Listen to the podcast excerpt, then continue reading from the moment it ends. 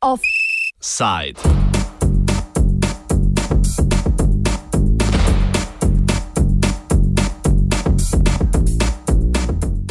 Za koga se gre pri referendumu o zakonu o zakonski zvezi in družinskih razmerjih?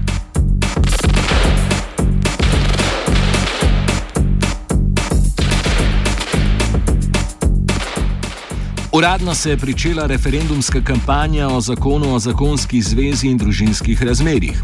Kot so napovedale, so se vanjo vključile stranke SMC, NSI, SD, ZAAB, SDS in ZL. Referendum bo potekal 20. decembra, da bo zavrnjen, pa se mora po novi referendumski ureditvi proti njemu opredeliti tako večina glasov, kot tudi najmanj 20 odstotkov vseh volilnih upravičencev. Spomnimo, da je bil omenjen referendum o zakonu, ki ga je predlagala Združena levica, strani ustavnega sodišča dovoljen, čež da ne posega v človekove pravice, o katerih po novi ustavni ureditvi ni moč glasovati.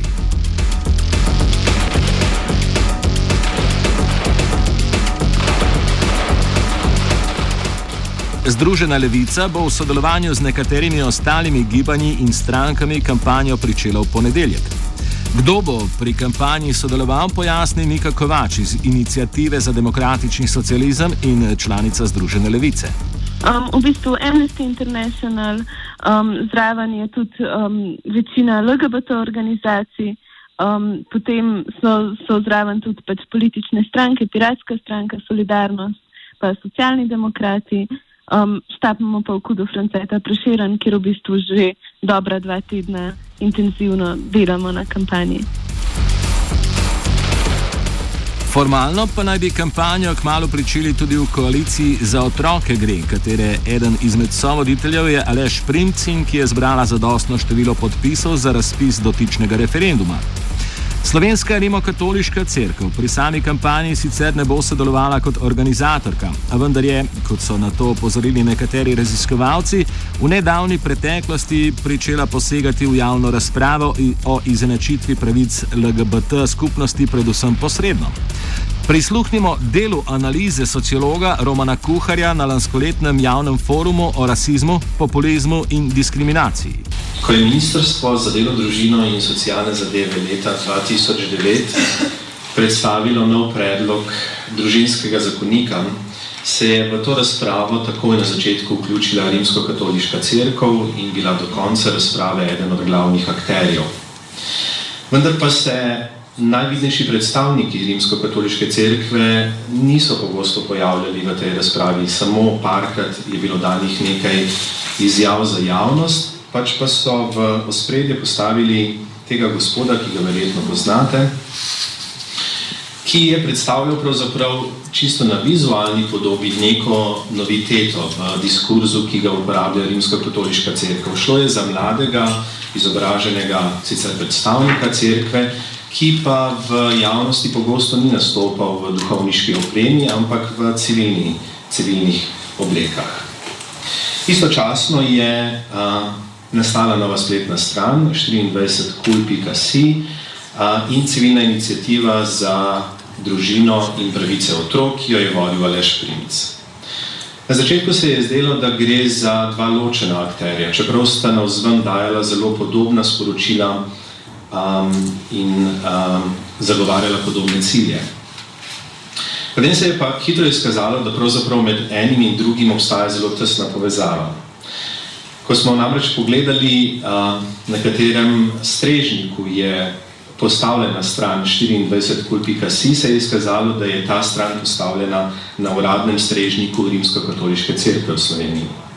Ne samo to, IPES je razkril, da je ustanovitelj zavoda 24.si ne Aleš Princ, ampak Tadej Strehovec iz Rimsko-katoliške cerkve. Skratka, povezava med enim in drugim akterjem je, bil, je bila tukaj popolnoma jasna.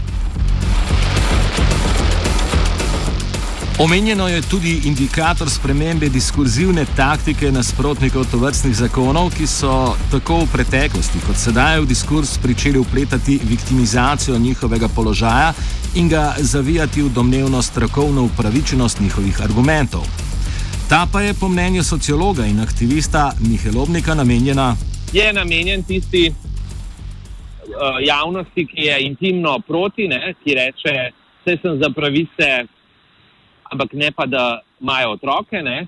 Tem, te, je namenjeno pogumljanju teh, da bi glasovali proti. Ne?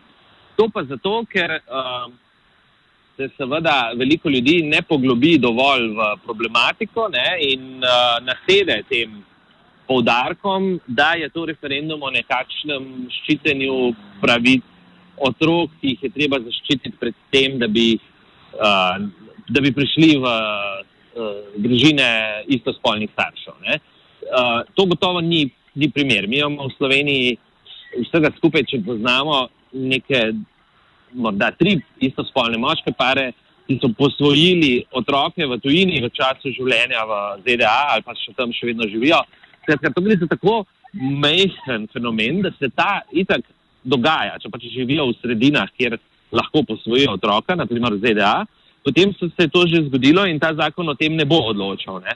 Prav tako pa glede na slovenske razmere, tudi sprejetje tega zakona pač v praksi ne bo spremenilo pravil posvajanja. Te pa so, da se otroku vedno išče najbolj primerno družinsko okolje v okviru uh, danih možnosti in ostalih uh, kandidatov za uh, posvojitve torej ostalih kandidatov za starše.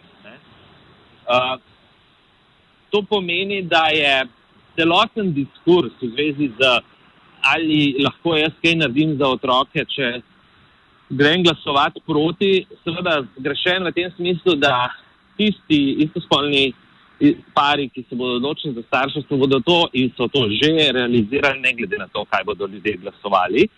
In v bistvu oni na nek način mislijo, da nekaj s tem naredijo, pa nič ne naredijo. Ne? Vse, kar naredijo, je, da simbolno pač poroko preprečijo delu skupine prebivalstva, ki je pravzaprav trenutno v stanju, da zaradi spola njihovega partnerja teh pravic ne more uporabljati.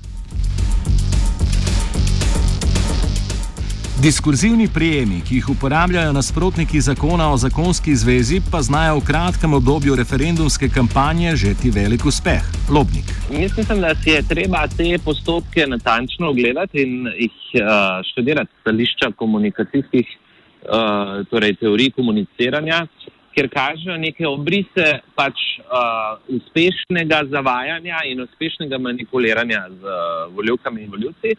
Namreč um, ta uh, kampanja nudi prostor prav temu. Ne? Kampanja nudi prostor takim, uh, takim uh, aktivnostim, če temu tako rečemo, komunikacijskim aktivnostim, ki ljudi prepričajo, da v bistvu z svojim glasom nekaj tako, tako večjega naredijo. Ne? Ker uh, pred časom sem slišal, da se. Uh, Da se bo ukinilo starševstvo, očet in mami, neke take neumnosti. Ne? Uh, Poglejte, to so v bistvu tako iracionalne stvari, da, da lahko zdržijo samo v toku teh parih tednov, ko se širijo kot en spin. Čim, čim bi nekdo imel pol ure časa in bi gotovo, da je ja, kako pa zdaj to. Potem pa cela ZDA, Kanada, Zahodna Evropa, ne, že teh deset držav EU-ja, ki ima poroko za vse, ne, so bili pa, kot so spregledali. Ne, in te fantazije o ukinitvah nagovarjajo posameznika tam, kjer je sam šibek. Ne, pritisnejo na njegove strahove, ima občutek, da se mu nekaj jemlje, ima občutek, da bo zdaj nekaj moral v šolah učiti, kar on ne bi in tako naprej. Ne. To so pač učinkovita zavajanja. Njihova lastnost je, da ljudje s časoma že hitro vidijo, da seveda niso bila upravičena, so pa uporabna za mobilizirati eno število manj kritičnih posameznikov, da tisti dan pač redno ne, odidejo in obkrožijo proti. Ne ker je to um, eh, tako bilo povedano. Ne? Tako da v bistvu imajo tudi nek tak kohezivni moment, ta njihova kampanja je za njih funkcionalna, združuje okrog teh istih vrednot, okrog katerih se izrekajo in okrog katerih sploh ni pravzaprav nobene realne. Nobene realne nevarnosti, ne? ker to kdo verjame, da če bo ta zakon sprejet, da bo nehal biti starš, ta ima druge probleme v življenju kot kot to, da bi se mu to zgodilo. Ne? Da gre v tej razpravi za kulturni boj, ter da je Rimokatoliška crkva pri tem uspešnejša, kolikor v javnosti ne nastopa neposredno, današnji offset zaključi Lobnik. Ja, ta uh, referendum je v Sloveniji dejansko najbolj aktualno bojišče kulturnega boja. Ne? Gre za tipično vprašanje, kjer se institucija RKC močno vključi in posega v družbo, kar seveda lahko, um, vendar se ne smemo slepiti, ne, da gre za kakšno marginalno temo. Gre za zelo pomembno temo. Ne. Gre za to, kako z razno raznimi neresničnimi, manipulativnimi pravljicami v bistvu zmobilizirati večje število nevednih ljudi in uh, jih pripeljati na volišča, ter s tem posež resno v politični prostor, seveda na račun pravic, na račun pravic manjšin in ob uh, izjemni distribuciji teh uh, uh, ob, občutkov in mitologije, ki gre zraven pri teh diskriminatornih sporočilih. Tako da v Sloveniji bo uh, potekal še en uh, referendum, ki pa seveda ne bo odločal o tem, o čemer bodo večinoma voljivci misli, da glasujejo ni presenetljivo, da uh, se za crkvo za svojo vlogo uh, skriva, torej, uh, razume, da bi ob dejstvu, da bi veliko ljudi spoznalo, da je glav, eden glavnih akterjev v tej zgodbi, ne, seveda sama povzročila neko večjo mobilizacijo uh, na nasprotni strani. Po drugi strani pa, kot sem rekel, moramo vsi dobro uh, razmisliti, kje hočemo biti, kadar se odloča o tem, kakšna bo Slovenija jutri, ne? ali bo to država, ki bo v bistvu, katerih državljani in njihovih pravicah bodo odločali ljudje na referendumu, misleč, ne? da sicer s čudovitim sloganom, seveda gre za otroke, ampak gre za vse otroke. Ne? Imamo pa upraviti inštitucijo, ki je zelo rada predpisovala idealne, ne? včasih so bili uh, problematični otroci, ki so bili uh, neporočeni staršev, bili so ena starševski družin, bili so pankrti. Skratka, zaznamovala je tradicionalno, če samo se na, zadržimo na tej ravni, ne, otroke.